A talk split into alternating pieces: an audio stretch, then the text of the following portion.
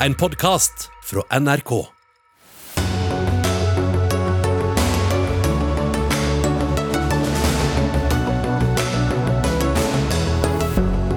Tre år og seks måneders fengsel for å ha sluttet seg til IS. Oslo tingrett trodde ikke på historien den norske IS-kvinnen fortalte. Ingen jubelstemning å spore hos norske bønder i dag. Statens tilbud i jordbruksoppgjøret var under halvparten av hva bøndene krevde. Det er historieløst og elitistisk å ville avskaffe kongehuset, mener Trygve Slagsvold Vedum. Historieløst og elitistisk å ville beholde det, svarer Høyres Heidi Nordby Lunde. Og en barnehage begynte å ringe far før mor når barnet var sykt. Styreren ville fremme likestilling, men resultatet ble ikke helt som ventet. Dette er menyen for dagens Dagsnytt 18, hvor vi også skal diskutere et forbud mot uh, bitte små biter av gummi på norske kunstgressbaner. I studio i dag, Sigrid Solund. Tre år og seks måneder, det var straffen den norske IS-kvinnen fikk av Oslo tingrett i ettermiddag. En dom som hun anket på stedet. 30-åringen var grunnen til at Fremskrittspartiet forlot regjeringen i fjor, da hun og barna ble hentet hjem fra en flyktningleir. I seks år hadde hun bodd i Syria, men hun ble ikke trodd av retten på at hun ble holdt der mot sin vilje. Sofie Høgestøl, førsteamanuensis ved Juridisk fakultet på Universitetet i Oslo. Du har også skrevet og redigert en antologi om straffeforfølging av fremmedkrigere, som hun da blir regnet som. For tingretten kom fram til at hun med viten og vilje deltok i en terrororganisasjon. Hva var det mest interessante ved begrunnelsen i dommen, syns du? Jeg tror det er to ting som var interessant. Det første var at de var veldig tydelige på at det å være kvinne og spille den rollen som kvinner gjorde i kalifatet, som går der med på å lage mat og, og passe hjemme, det er også en form for deltakelse i IS. Eh, og Det et, har vært et viktig prinsippspørsmål for påtalemyndigheten å likestille deltakelsen mellom menn og kvinner. For Loven vår er jo selvfølgelig kjønnsnøytral. Det er ulovlig å delta i en terrororganisasjon. Men spørsmålet har vært hvor går den terskelen for deltakelse? Hvor mye må du ha deltatt? Hvor direkte må det være med terrororganisasjonen? Og Dommen er veldig tydelig på at det trenger man ikke, det er nok å delta som denne kvinnen har gjort. Det andre som kanskje var interessant juridisk, er jo at hun har jo reist en del spørsmål knyttet til menneskehandel og anger, at hun ønsket å reise hjem. For på det tidspunktet hun reiste til Syria, så var ikke deltakelse i terrororganisasjonen straffbart i Norge. Det ble først straffbart noen måneder senere. Og hun mener jo da innen den tid at hun hadde angret og ønsket å reise hjem. Og det er heller ikke, dom, det er heller ikke dommerne festet så mye litt til i hennes forklaring poeng. Fordi det ikke spiller noen rolle, eller fordi de ikke trodde på det? Det, altså det synes jeg, altså Når man leser litt mellom linjene av dommen, for de behandler det eget, en egen del, da, så, så, synes det for meg som at dommerne mener at for det første du visste at du reiste til et sted hvor du kom til å bli frihetsberøvd. Det er jo, Du visste det før du reiste, du var klar over hvilke begrensninger på din bevegelsesfrihet som du kom til å ha i Syria. Og for det andre så, så, så du, du, du, ønsket jo tilstedeværelse, du ønsket å flytte til et, et slikt regime. Det virker, de virker å ha vektlagt de to tingene ganske mye, og det har ikke festet så vi ved at hun kanskje ønsket å reise hjem på et tidspunkt. Martine Erdal, kommentator i Dagbladet, du var i retten. Hvordan framsto 30-åringen da dommen ble lest opp? Nei, denne kvinnen har jo gjennom rettssaken framstått eh, til tider veldig sårbar. Hun, eh, vi har jo også fått beskrevet hennes uh, psykiske problemer i retten. Hun har uh, alvorlig PTSD. Forhandlingene har blitt avbrutt mange ganger fordi hun har Posttraumatisk stressyndrom? Ja, unnskyld. Ja. Posttraumatisk stressyndrom. og hun er brutt sammen i retten gjentatte ganger. også da hun kom i dag, var hun med bøyd hode og, og trygg, som selvfølgelig ble enda eh, mer sammenfalt da hun forsto hva dommerne hadde kommet fram til. Men hun var eh, fast og eh, kontant da dommeren spurte om hun ville ha betenkningstid, og anket altså på stedet både skyldspørsmålet og straffeutmålingen. Mm. Litt med bakgrunn her til deg, Marukali. Du er forfatter og har skrevet bok om IS. Vi var litt inne på det, men kvinner var viktige for IS da de bygde sin stat. Hvordan da? Kvinner var helt uh, avgjørende for uh, IS. og det var det ene er denne rollen som uh, mange har snakket om, som mødre og føde barn, for at denne staten i det hele tatt skulle ha nye innbyggere. som ble født som IS-borgere. Men det aller viktigste for IS og hvordan de brukte kvinner, var som i forhold til propaganda. De har vært et av de viktigste rekrutteringsverktøyene. og Disse kvinnene gikk inn med viten om at eh, de kom til å spille en helt sentral eh, rolle. Og de krysset jo også mange grenser. Det var ikke lett på det tidspunktet da den norske IS-kvinnen reiste til Syria å komme seg dit. Eh, så det har ikke vært bare å sette seg på et fly og komme seg til Syria og bli med i kalifatet. Og på samme måte nå så syns jeg det er ganske interessant å se hvordan eh, kvinnene fremstår. Fordi Det denne saken i veldig stor grad handler om, det er jo å overbevise. Overbevise folk. Og Vi så jo da hun stilte opp i bukse, norske journalisters fascinasjon for eh, en muslimsk kvinne i bukser. Det fikk bred dekning. Og vi ser det samme internasjonalt òg. Altså det de går i, det uttrykker Det får masse oppmerksomhet. Og det er de utrolig klar over.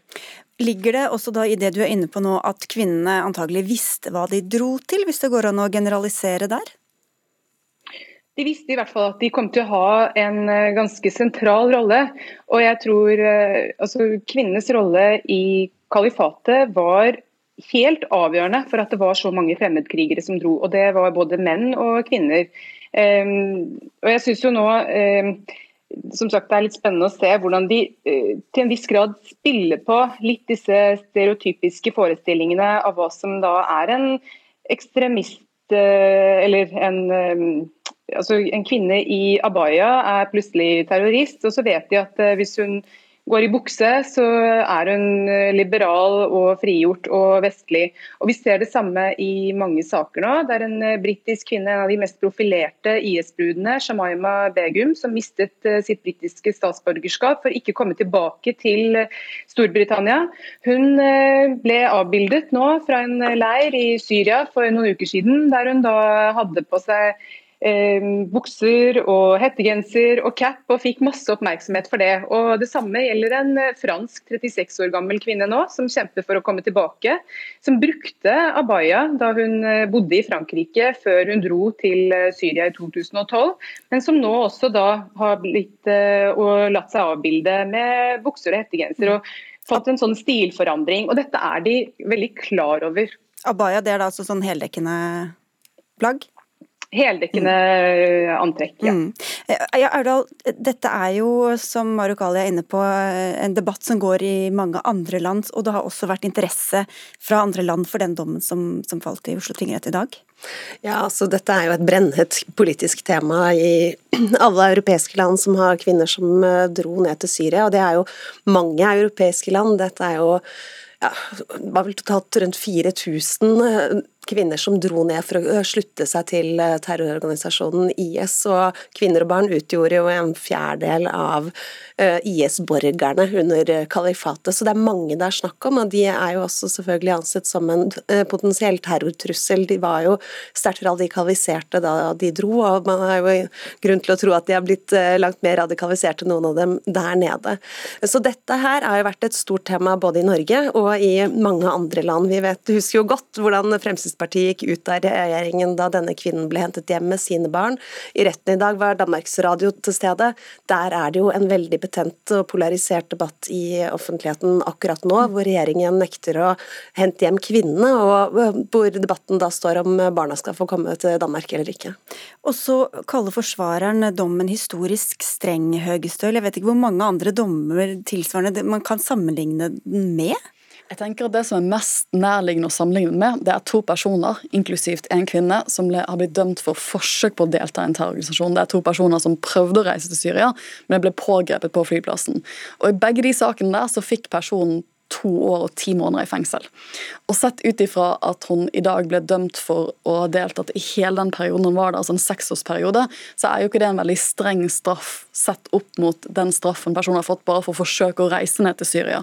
Så jeg vil, jeg vil ikke si at det er en veldig streng straffeutmåling i lys av, av den straffeutmålingen folk har fått for forsøk på deltakelse i terror.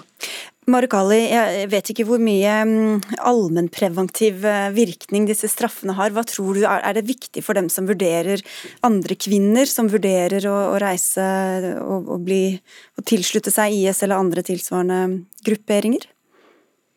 Ja, Det er eh, et godt spørsmål, egentlig. Jeg tror i hvert fall at man ikke skal la seg forføre av eh, klesdrakter og av sånne make over som vi har sett med en del av disse jihadistbrudene, inkludert den norske IS-bruden. Eh, for da møter vi våre egne fordommer litt i døra. Eh, og sånn som det er nå, hvor IS ikke kontrollerer eh, en territoriell stat, det handler om radikalisering eh, og kampen mot radikalisering, den foregår i, i hjerter eller i folks sinn.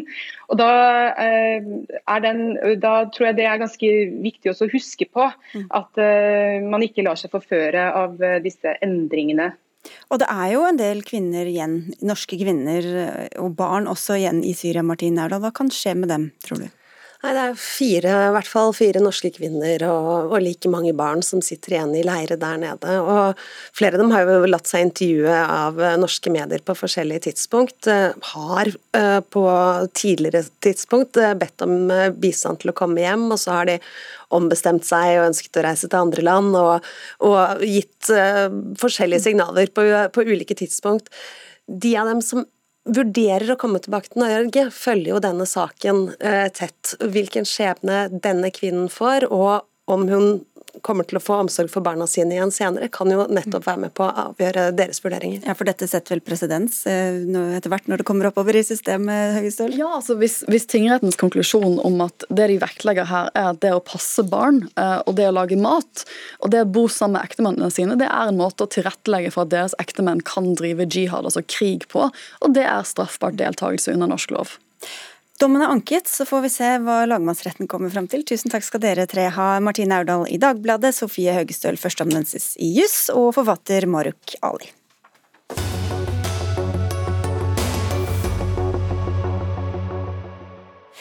I dag fikk norske bønder svar på kravet sitt i årets jordbruksoppgjør. Og tilbudet fra staten er på knapt 1 milliard kroner.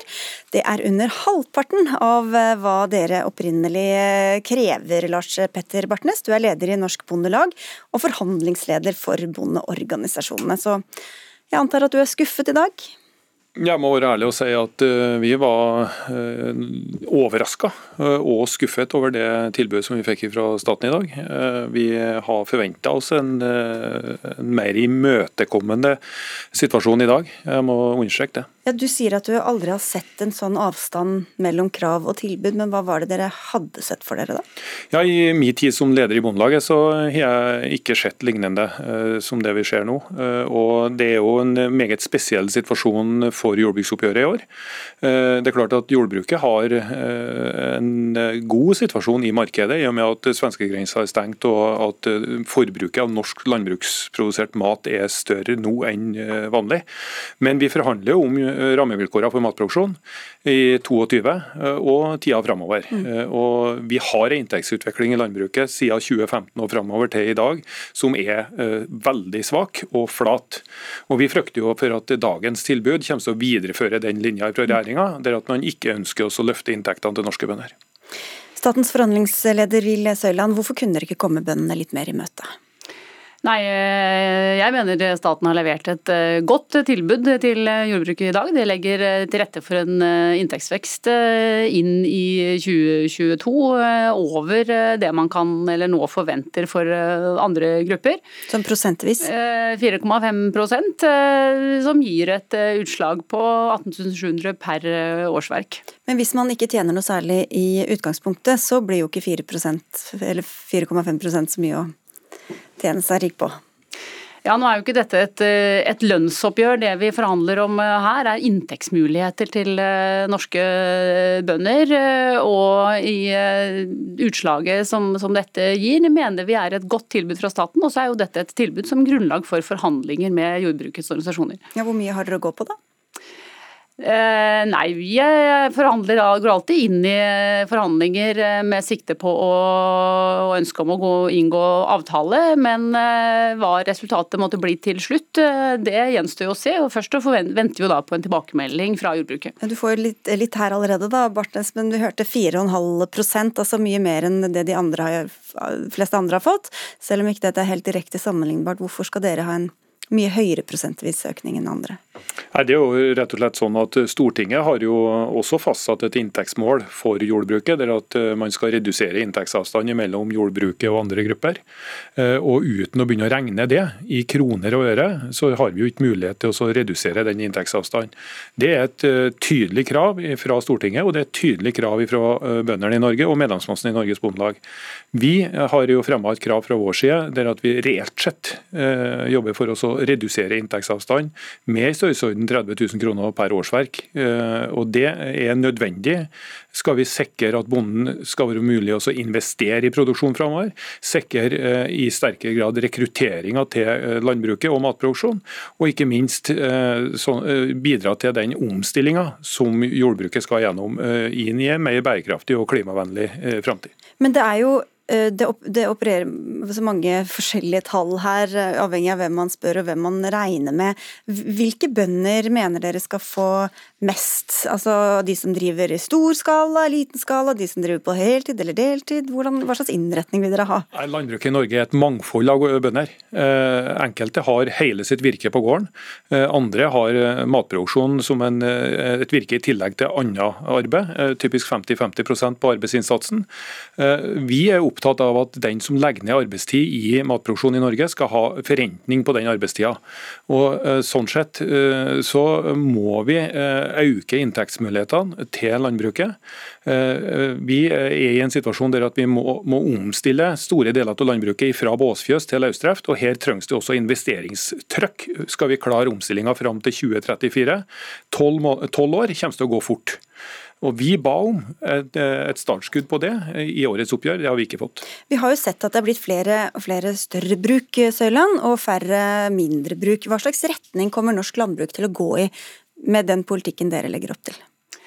Nei, altså Denne regjeringa har i perioden styrka distrikts- og strukturprofilen. altså Prioritert små og mellomstore bruk i, i, i stor grad. Og så er det jo en utvikling i retning større bruk, men eh, politikken sånn som den eh, ligger, eh, legger til rette for at vi fortsatt skal ha små og mellomstore bruk i, i norsk landbruk.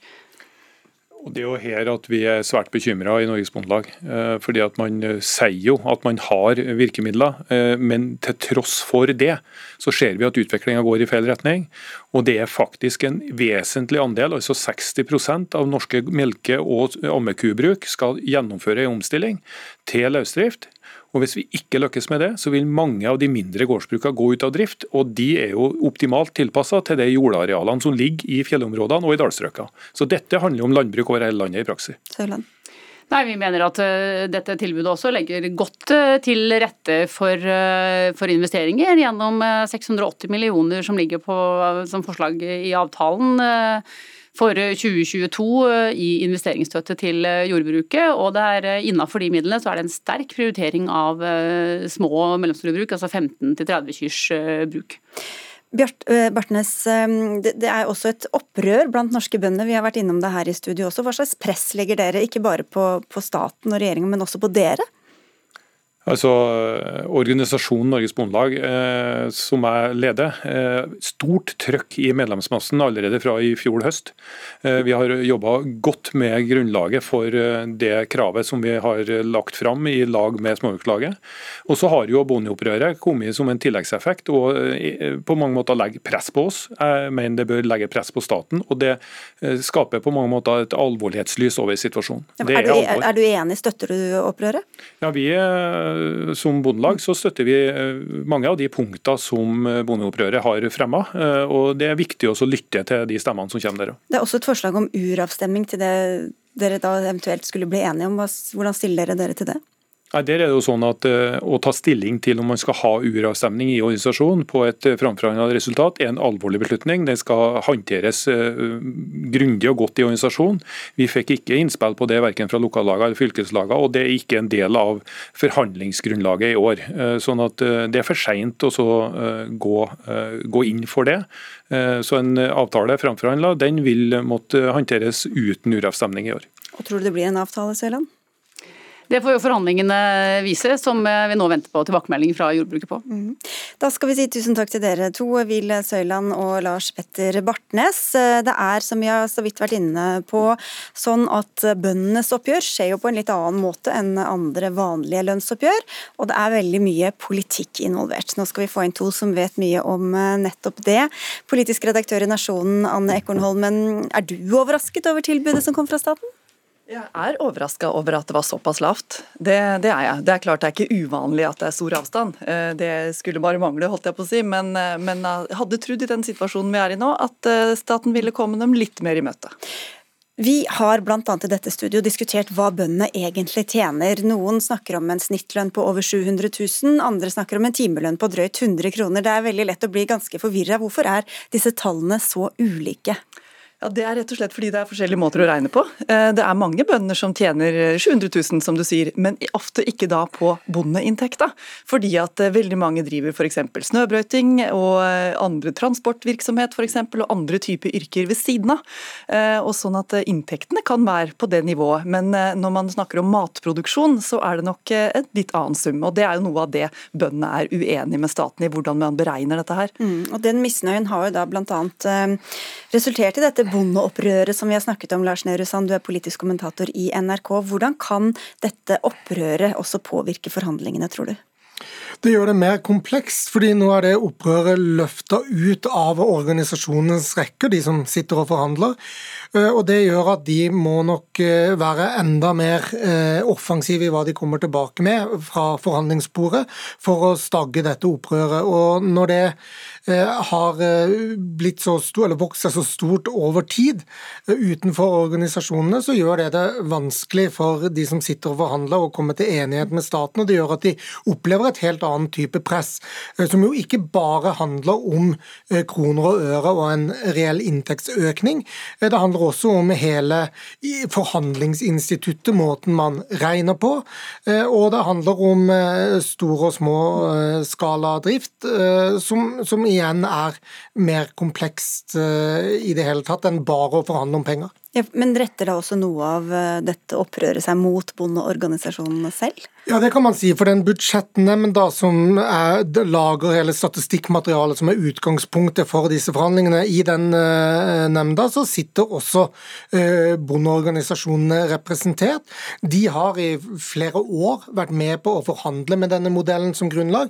De har ikke sagt at den er perfekt, men de har gått med på å, å bruke det som et underlag. Og når det, hele, når det brenner under føttene på, på bondeorganisasjonene også, så gjør det det mer krevende for dem å lese det landskapet som eh, næringen deres er. Økonomer, vi var inne på det litt hvem som skal få og hvilken retning norsk landbruk egentlig går i. Hvor viktig er det elementet eh, i år? Jo, Det er selvfølgelig viktig, det, men det som er interessant i år, er jo også For det har ofte vært sånn at de små uh, lider. ikke sant? I mange år så har det vært en strukturrasjonalisering der det har blitt vanskeligere og vanskeligere å være liten, og der staten har lagt opp til at man skal drive stort. Uh, og Veldig mange har tilpassa seg det, uh, investert og bygd ut, og, og, og tar over arealer som naboen kanskje må legge ned. Men nå viser det seg også at det er også de store har ganske stor frustrasjon, og det blir vanskelig å tjene penger også på store bruk. Eh, rett og slett fordi at også bønder har bare 24 timer i døgnet og kan, eh, kan er bare begrensa hva man rekker over. Eh, og Jo større man blir, jo mer må man kanskje ansette folk, og de skal også lønnes f.eks. Så, så det er litt nytt her, at det er de store som også sliter. Mm. Vi har jo snakket om selvberging også, Lars, og hvor lite mat vi egentlig lager til oss selv her i dette landet. Nå er vi akkurat på vei ut, forhåper vi, da, av en pandemi, og vi har sett hvor lite vi har vært forberedt på, på, på en sånn krise. Kan det få noe å si, tror du? Og Det er jo et argument eh, si, enhver sektor bruker om seg selv, at den er veldig viktig, og det har vi sett under pandemien. Men, men eh, for matproduksjon og for eh, matens plass i en beredskapsplan, så er det helt utvilsomt at, at næringen vil, vil, bruke det for det det er verdt. Det er ikke så rart. Og så er det jo, hender det jo sånn at det ikke blir noen enighet, at det blir brudd, og at saken da ender i, i Stortinget. Hva kan skje da? Men Det spesielle der nå er jo at det ikke lenger er KrF og eller Venstre som eh, skal vippe det stortingsflertallet. Det er eh, Fremskrittspartiet. De er ikke nødvendigvis interessert i å hjelpe landbruksorganisasjonene. Arbeiderpartiet og Senterpartiet er neppe interessert i å hjelpe Høyre i eh, et valgår. Så sannsynligvis kommer det ikke noe økonomisk godt ut av et brudd. Det blir et brudd som bare vil markere den avmakten og øke den frustrasjonen, som selvfølgelig kan være et politisk poeng poeng i et eh, valgår. Mm. Hva tror du, Ekornholmen, går det mot brudd, eller det, har du tro på at forhandlingene kommer i havn? Nei, altså nå er det veldig mange som roper om brudd. Eh, mange av fylkeslederne i Bondelaget er eh, veldig tydelige på det, og hoderystende over statens tilbud. Så det kan bli et brudd, og det blir jo i så fall en måte å markere på hvor uenig man er. Og hva er tidsaspektet her, da? Nei, altså I utgangspunktet så skal man jo bli enig eller komme til en avtale før 15. mai. Men eh, det kan bli brudd eh, i morgen, eller det kan bli brudd en løp av den perioden fram til da. Men ikke lang tid eh, uansett har det på seg, altså? Det er riktig. Takk skal dere ha begge to. Lars Nehru Sand fra NRK og politisk redaktør i Nasjonen, Anne Ekornholmen.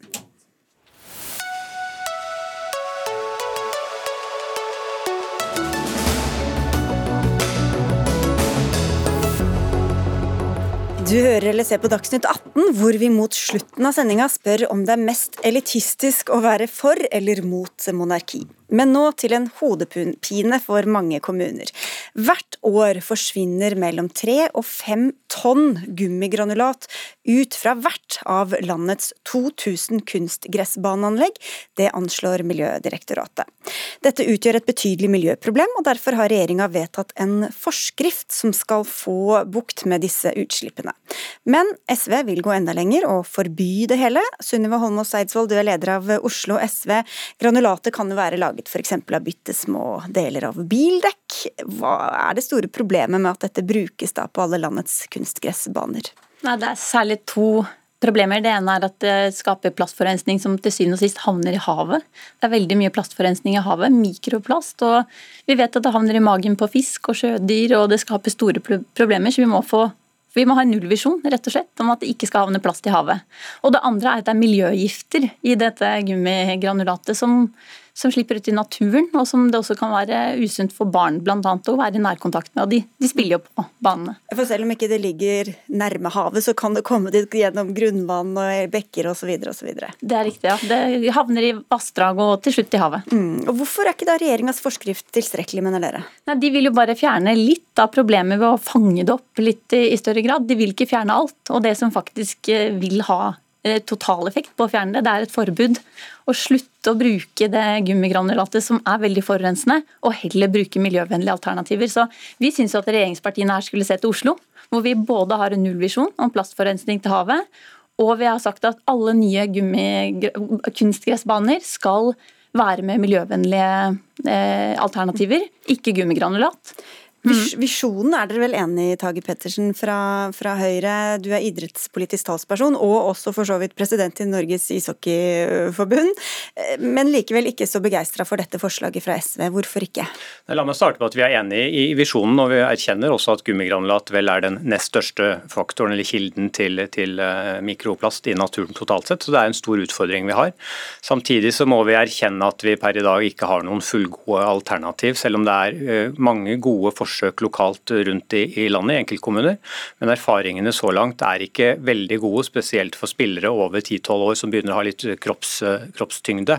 Eh, og Derfor så har vi jo fått på plass denne forskriften som ikke bare skal fjerne litt av gummigranulaten, men, men man anslår jo at 90% av det som i dag eh, forsvinner fra kunstgressbanene, skal kunne samles opp gjennom de tiltakene som ligger i forskriften. Og Det er et, et viktig første skritt. Og så må vi jobbe aktivt både fra myndighetene, både statlige og kommunale myndigheter og fra idretten selv, for å finne alternativer som er gode nok. Men hva tror du får mest fart på utviklingen, en visjon eller et forbud? Nei, jeg tror altså Et forbud har jeg i utgangspunktet ikke noe tro på i denne sammenheng, for det er det i ytterste konsekvens konsekvens vil kunne bety, er at kommuner ikke rehabiliterer de anleggene de har, og heller ikke bygger nye anlegg fordi at det ikke er gode nok alternativer som finnes. og Da går det til slutt utover aktiviteten for barn og unge. Ja, jeg vil jo bare si se til Oslo. Vi, vi, sier jo nå alle nye baner og alle som rehabiliteres, gjøres uten miljøskadelig gummigranulat. Men det har vel også vært ganske stor misnøye også fra idretten sjøl også i Oslo. Ja, og nettopp derfor trenger vi jo at regjeringa kommer og gir oss drahjelp. For hvis vi får et forbud her som gjelder nasjonalt for hele næringa, da vil idretten og næringslivet være nødt til å få fortgang i utviklingen av alternativene. Men det fins alternativer i dag, altså. Det fins blant Teie idrettsforening f.eks. på Nøtterøy. De har nettopp eh, rehabilitert eh, stort anlegg. De bruker um, olivenstein i stedet for forurensende gummigranulat. Og erfaringen der fra spillerne, både de større og de yngre, er at det fungerer veldig bra. Jeg kan da trekke frem Råde kommune i Østfold, som er en av de kommunene som har forsøkt, både med, med sand som fyllemateriale og som, som olivenstener. Og Erfaringene derfra så langt er at når det er vått og når det er kaldt, så blir underlaget altfor hardt. Og med brå bevegelser, som det jo er i fotball, så, så innebærer det en stor risiko for idrettsskade hvis du kommer som jeg var inne på et sted, over 10-12 års alder. og Der er de ikke fornøyd, men de er fortsatt med i et prosjekt sammen med både fylkeskommuner og NTNU eh, og Fotballforbundet for å fortsette å se om man finner gode fyllmidler, men det har man ikke funnet løsninger på per i dag. Vi skal få med Fotballforbundet, hvor du er direktør for utvikling og aktivitet, Alf Hansen. 2000 kunstgressanlegg, 3000 ballbinger her i landet. Hvor avhengig er fotballen av disse banene? Det er klart, Dette er den viktigste premissleverandøren for den aktiviteten som, som, vi har rundt omkring i hele Norge. Det har vært den viktigste faktoren for den suksessen vi har hatt de siste 20 årene med den eh, fantastiske aktivitetsveksten vi har hatt. Og vi har nesten 400 000 eh, utøvere som bruker disse banene eh, hver dag. Og dette er det viktigste verktøyet vi har for å drive den aktiviteten. Og da må man bare se gjennom fingrene med plastforurensning, mikroplast, miljøgifter?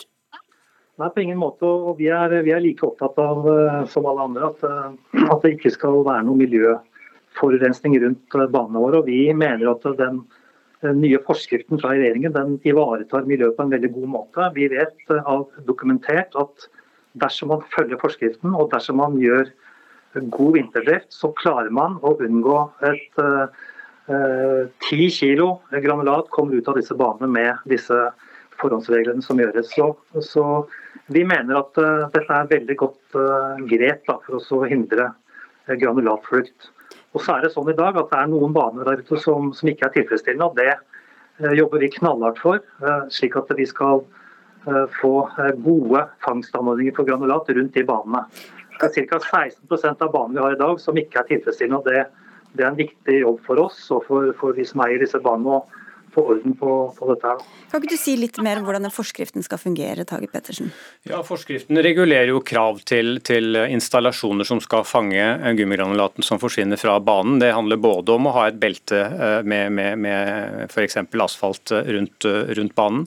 Det handler om å ha fangdammer som fanger opp dette. Det handler om å ha rutiner for eh, snø- eller vintervedlikehold, som jo er et stort problem. Og det handler også om aktiviteter for spillerne. Vi har vel alle fått hjem en, en sønn eller datter med, med sko eller sokkene fulle av gummigranulat. Så det handler også om rutiner for klubbene i forhold til hvordan man skal avslutte trening og aktivitet på disse banene. Sa du fangdamer? Nei, ikke damer. Jeg sa, da, jeg sa damer. Jeg, sa damer. jeg mente i hvert fall å si damer. En rekke lettkledde damer som fløy rundt der, det var helt Nei, feil. Det tror jeg ikke vi skal by oss ut på. ok, Men til dette, Eidsvoll. Altså, man kan jo ikke bare vedta at noe skal fungere, og så fungerer det. Vet du, eh, Når det gjelder gummigranulat, så er faktisk problemet med forurensning her mye større enn det vi tidligere har trodd. Siste rapport fra Miljødirektoratet sier at problemet med forurensning kan være dobbelt så stort som det man tidligere har trodd. Så her trengs det tiltak. Og det kommer alltid argumenter mot miljøtiltak, at alternativene ikke er gode nok og vi må vente lenger. Men jo lenger vi venter med å varsle et forbud, jo lengre tid tar det å få utviklet de gode alternativene. Det fins alternativer som kan brukes i dag. Man kan bruke kork, olivenstein eller å ikke ha granulat i det hele tatt. Det må vi sette i gang med med en gang. Og så er vi nødt til eh, å forvente at næringen utvikler ny teknologi. Det har vi sett på andre områder. I Oslo når vi stiller strenge klimakrav, f.eks. til anleggsmaskiner som skal være fossilfrie, ja da kunne plutselig næringen levere det likevel. Så her må det offentlige gå foran og varsle et forbud, så får vi løsningen på plass. Og Alf Hansen, Vi har jo snakket om dette i veldig mange år. Hvorfor trenger dere da enda mer tid for å, for å skaffe gode, fullgode alternativer? Nei, først er det viktig å si at Vi ønsker å følge to spor i anleggsutviklingen. Det ene er at Vi fortsatt mener at uh, gummigranulat kan brukes dersom man gjør disse forhåndsreglene som, som vi snakker om her. sånn, men vi er like opptatt av at vi skal finne alternativer. Men, men dessverre så, så, trenger vi mer tid på det. Det er mange gode forsøk der ute og mange gode anlegg som, som virker i deler av året. Men fortsatt så har vi ikke funnet det optimale alternativet. og Det, det betyr at vi trenger mer tid. og Fortsatt er det også viktig å uh, ta med seg at disse alternativene vet vi heller ikke nok om i et miljøperspektiv. Vi vet at uh, alternativene som f.eks. ikke har noe innfyllsmateriale, bruker tre til fire ganger så mye plast i produksjonen vi vet ikke nok om fiberen i seg selv, om eh, altså mikroplastflukt fra fiberen i seg selv. Eh, og Produksjon av disse fiberne vil jo eh, også være en miljøavtrykkbelastning. slik at Vi trenger å vite mye mer om alternativene før vi kan konkludere med at dette er framtidens anlegg. Så Derfor så anbefaler vi at, vi at vi følger to spor. At vi bruker tid, ressurser til å utvikle og finne alternativer Eksempelet fra Teie er veldig godt. Ok, eh, Vi må nesten avslutte her. Jeg tror vi gikk litt i ring, men bare eh, en liten kommentar på det, Eidsvoll. før vi. Ja. Ja, Jo lenger vi venter, jo lengre tid tar det å få alternativene. Derfor må vi ha et forbud, nullvisjon, og det må vi varsle nå. Så må den tre i kraft om to år dette skal vi klare, men da må vi bare være tydelige og stille krav. Og dersom vi følger forskriftene, så går det bra, hørte vi fra Alf Hansen her, Tage Pettersen. Men hva slags kontroll har dere på at det faktisk følges? Ingen som har sagt det går bra, men det går, vi, får, vi blir kvitt 90% av utfordringen. Og så er vi helt enige at vi må følge de to sporene. og Det er derfor NTNU, det er derfor Oslo kommune, det er derfor Råde kommune og Teige eh, eh, nettopp jobber med disse alternativene. Og jeg må jo være så ærlig å si at det hjelper ikke om SV sier at det er fullgode alternativer, når, når spillerne og miljøene sier at det ikke er det. Da må vi forske og jobbe mer med dette. Vi må avslutte der. Takk skal dere ha alle tre. Tage Pettersen fra Høyre, Sunniva Holmås Eidsvoll, leder i Oslo SV, og Alf Hansen fra Norges Fotballforbund.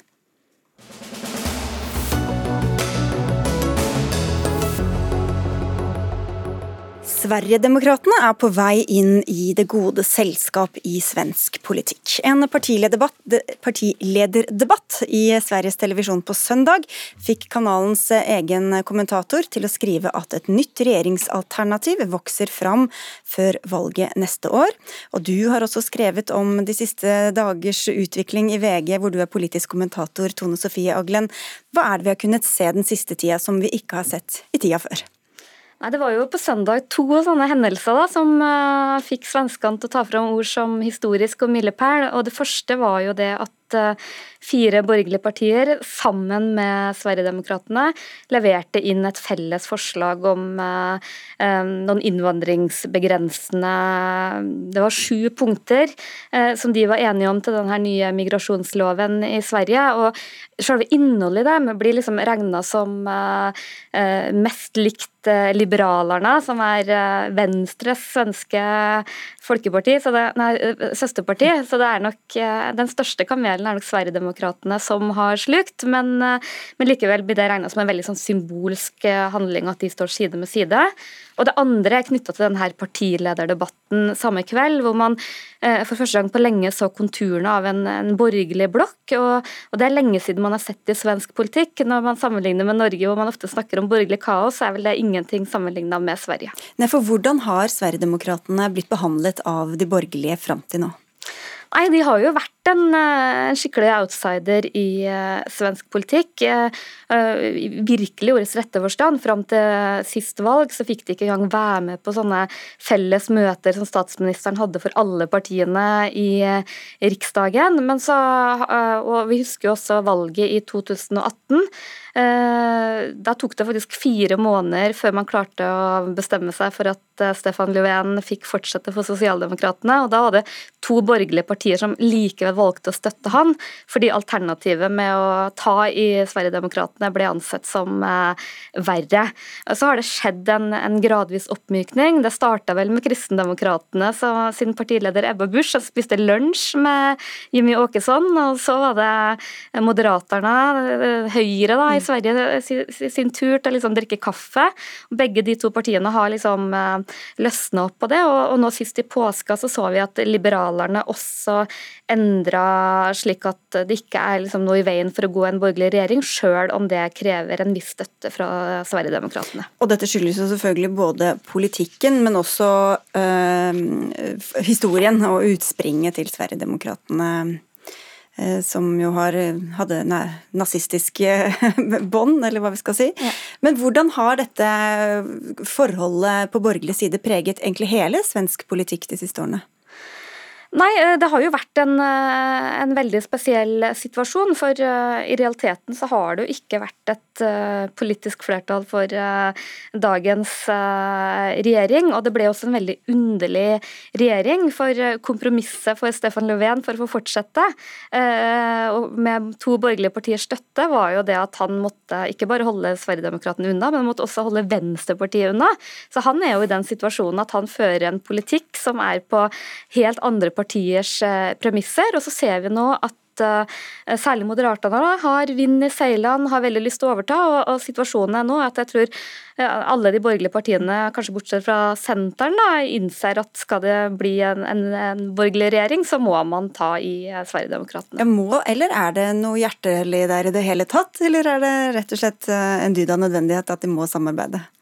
Nei, jeg opplever ikke veldig stor hjertelighet. Også i Liberalerne, som var liksom det siste partiet ut, så var det flere som meldte seg ut, en del som har reservert seg. Så det er jo eh, veldig kontroversielt fortsatt eh, i svensk politikk. Men, men det man har sett, er jo at eh, de gikk jo fra 2014-valget til å ha litt over 12% så fikk de vel godt over 17% i 2018. Vi så målinger rett før koronaen hvor de var Sveriges største parti.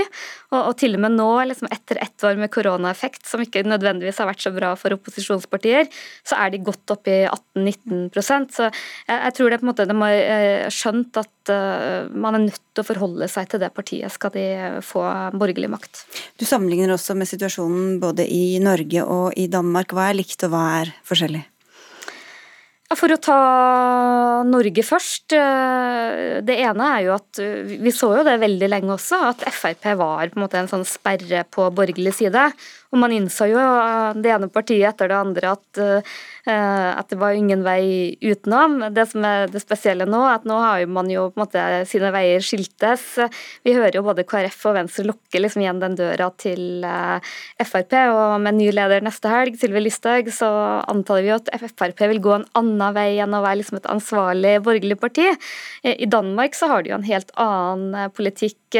Hvis du ser på svenske sosialdemokratene, så er jo de på en måte tvunget tvunget nå til å føre en, en mer innvandringsliberal politikk eh, enn det de egentlig ønsker. Samtidig så eh, er de også tvunget til å føre en mer sånn eh, LO-fiendtlig politikk, da, fordi de samarbeider med bl.a. liberalerne, så de er liksom litt sånn upopulære i sitt grunnfjell. og Det er det stikk motsatte som Mette Fredriksen fra samme parti har gjort i Danmark og gjort til stor suksess, nemlig å stramme veldig inn i innvandringspolitikken, men legge seg veldig til venstre i den økonomiske politikken. Og fortsatt er det halvannet år igjen til valget. Vi ses igjen. Tone Sofie Aglen, takk skal du ha for at du kom.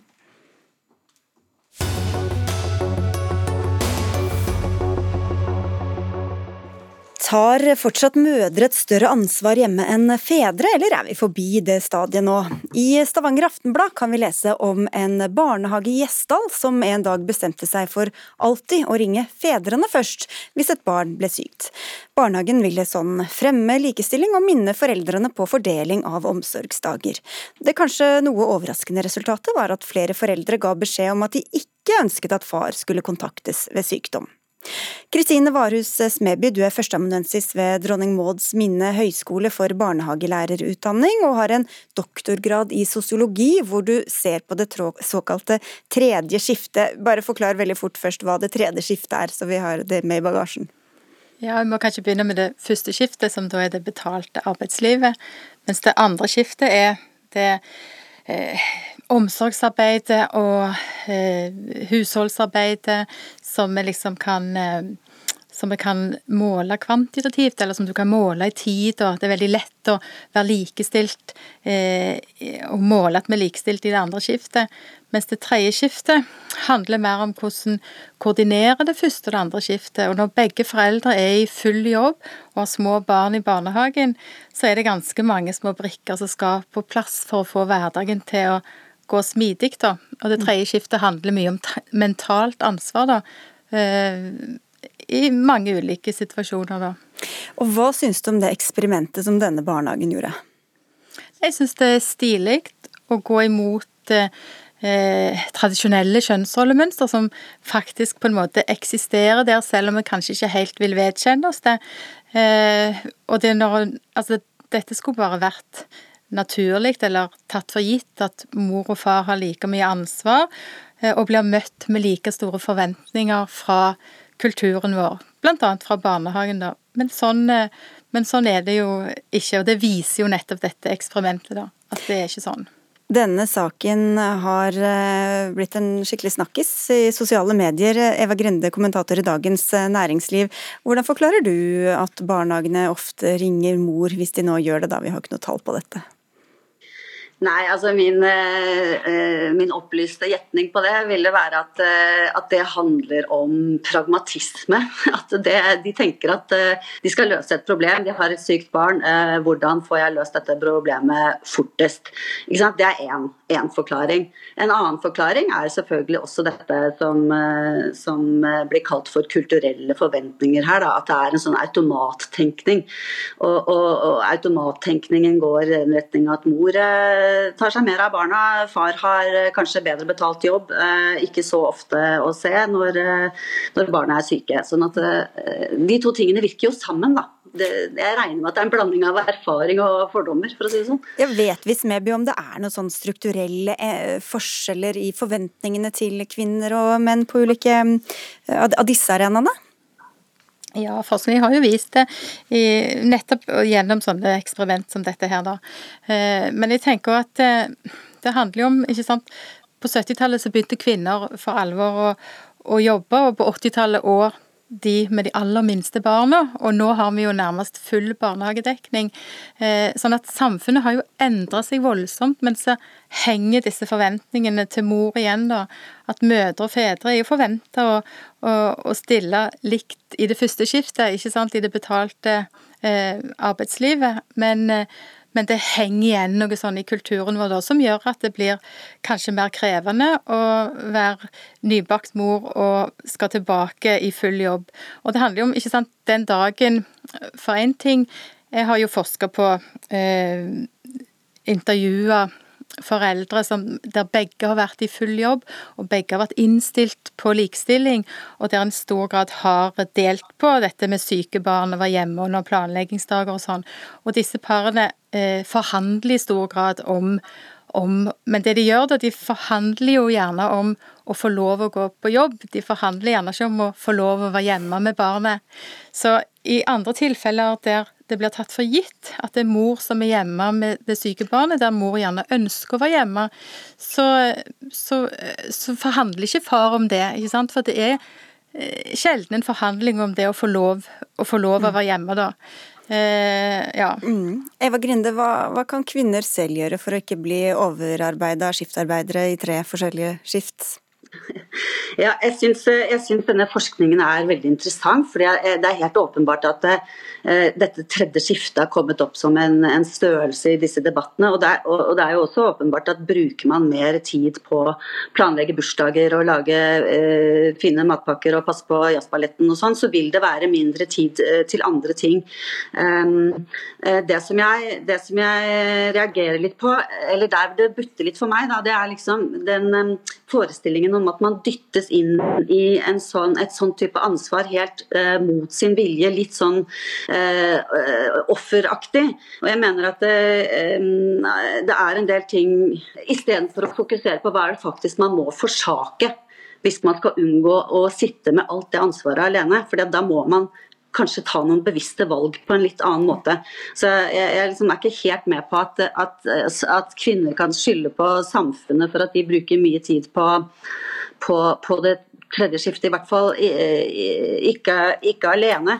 Det, altså man kan jo si eh, En viktig sånn strukturell forutsetning her, det er jo rett og slett hvilke menn man velger seg. Eh, vi ser jo fortsatt at kvinner gjerne velger seg partner litt opp oppover i hierarkiet. Eh, det er eh, Litt under halvparten av norske par har riktignok rundt lik lønn, men den andre halvparten det ikke er lik lønn, så er det 90% minst pluss minus, eh, så er det mennene som har til dels mye høyere lønn enn kvinnene.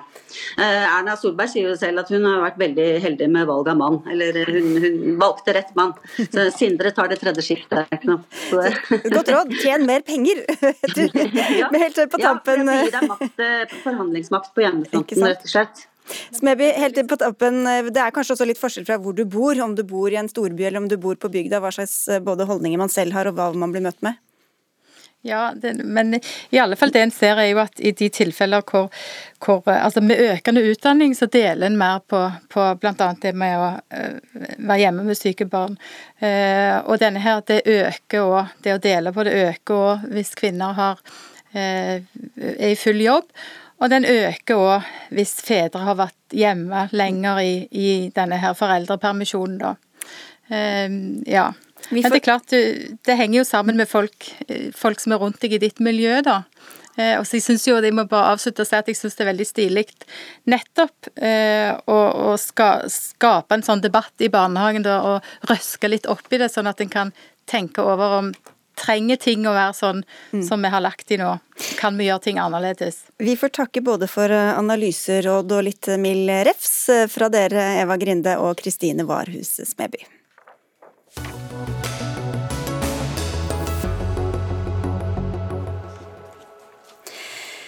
Også i år kom det et grunnlovsforslag om å fjerne monarkiet i Norge. Heller ikke denne gangen er det i nærheten av å få flertall, men likevel har det skapt bekymring hos deg, Senterpartileder Trygve Slagsvold Vedum.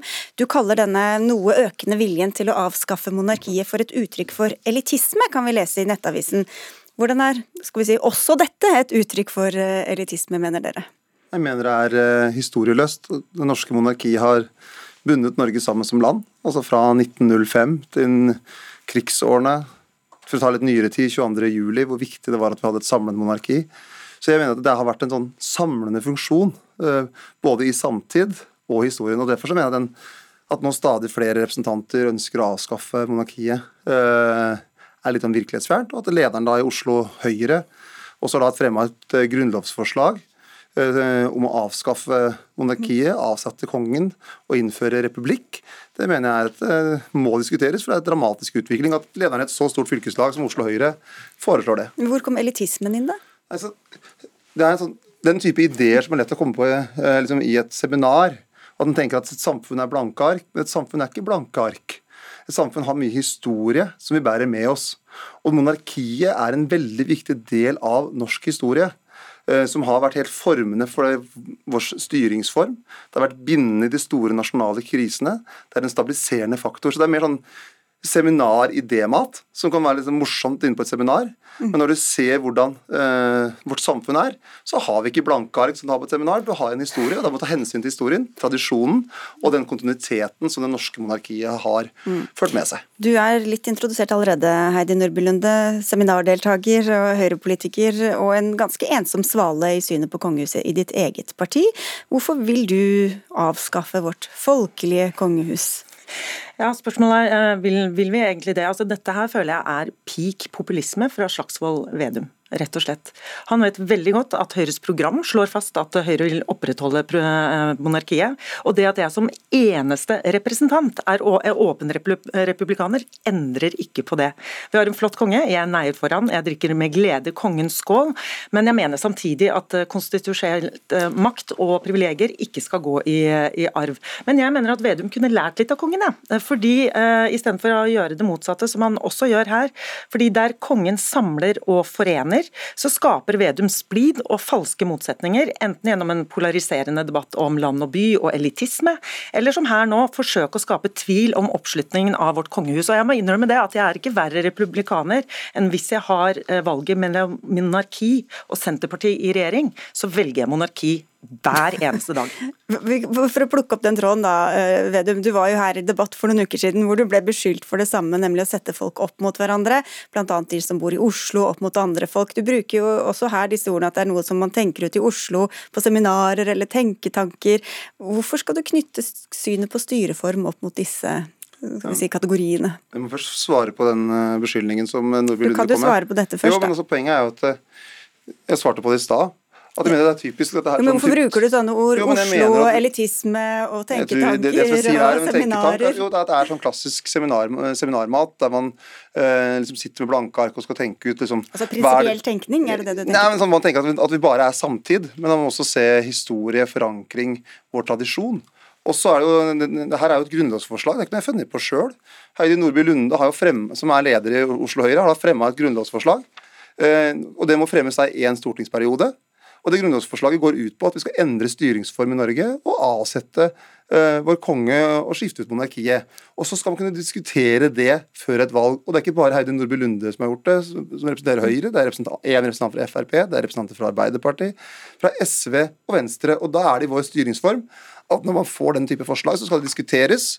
Og så må folk ta stilling til hva de mener. Og jeg, og jeg mener at monarkiet tjener oss godt og at det er viktig å ha en debatt om vår styringsform når en bredde av stortingsrepresentanter har fremma en grunnlovsendring. Så det er, ikke noe, det er ikke bare et leserbrev eller et eller annet, det er en, et, et gjennomarbeida grunnlovsforslag som lederen i Oslo Høyre har skrevet under på. Selv om ikke du har partiet med deg, så mener du det jo, Nordby Lunde? Ja, jeg mener at konstitusjonell makt og privilegier ikke skal gå i arv, men å bli belært av en senterpartist som en konservativ politiker om historie, det tar jeg faktisk litt avstand fra. fordi at Hvorfor? som konservativt parti så har jo Høyre ikke bare altså, eksistert, men også stått opp for konge og fedreland lenger enn eh, Senterpartiet ja, du, har eksistert. Ja, men det var det med saken å gjøre. Du vil jo avskaffe monarkiet, nei, det er det som er poenget. Fordi at Vedum bruker et grunnlovsforslag fra én og bruker meg som enslig representant fra Høyre, og det vet han veldig godt at hele partiet Høyre er imot. Jeg er den eneste i vår uh, gruppe som tar til orde for, for, dette. Til å så tvil om Erna Solbergs parti faktisk kommer til å kaste nei, ja, monarkiet okay, men, i, i Norge. Men du, men du, mener jo dette.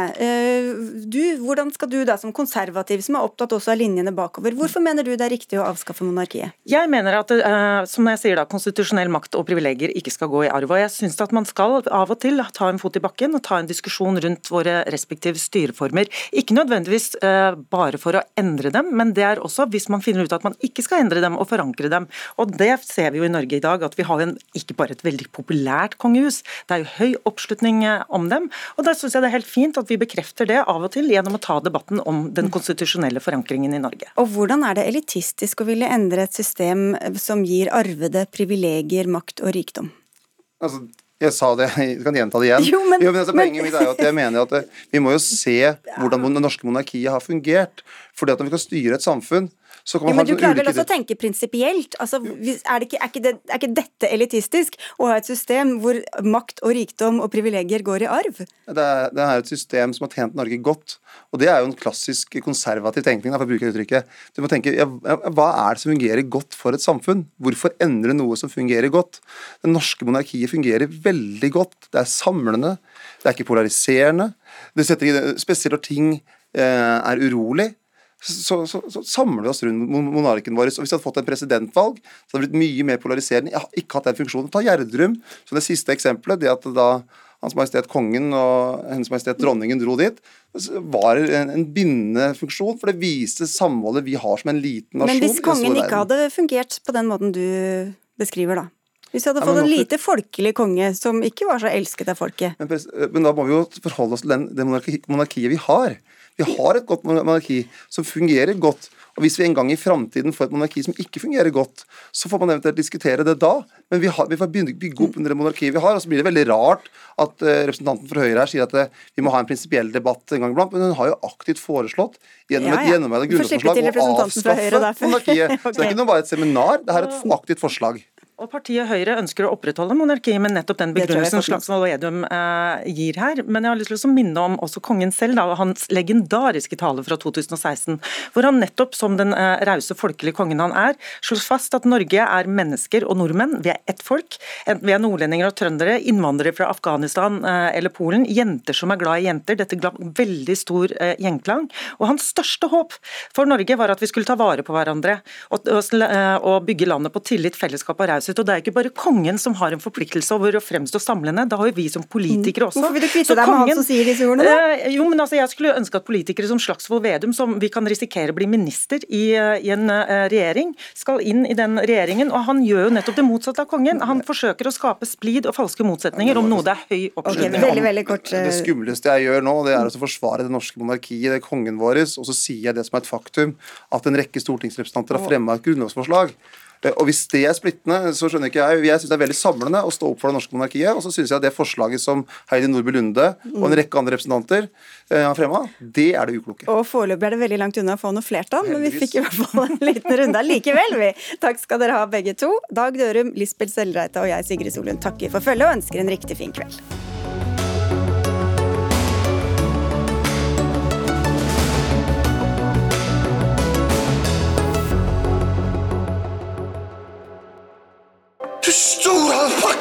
Før så samla vi oss for å høre på radio. Nå lytter vi på hva vi vil, når vi vil, og mest for oss sjøl. Vi lytter for å fylle ventetid, bli underholdt, oppdatert og litt klokere. Vi lytter for å la oss bevege av sterke historier. Eller bare av musikk. Så selv om mye har forandra seg, er det viktigste som før. Podkast og radio samler oss. For selv om vi nå lytter mest for oss sjøl, er vi aldri aleine når vi hører på. NRK Radio vi hører sammen. Hør podkaster og din NRK-kanal i appen NRK Radio.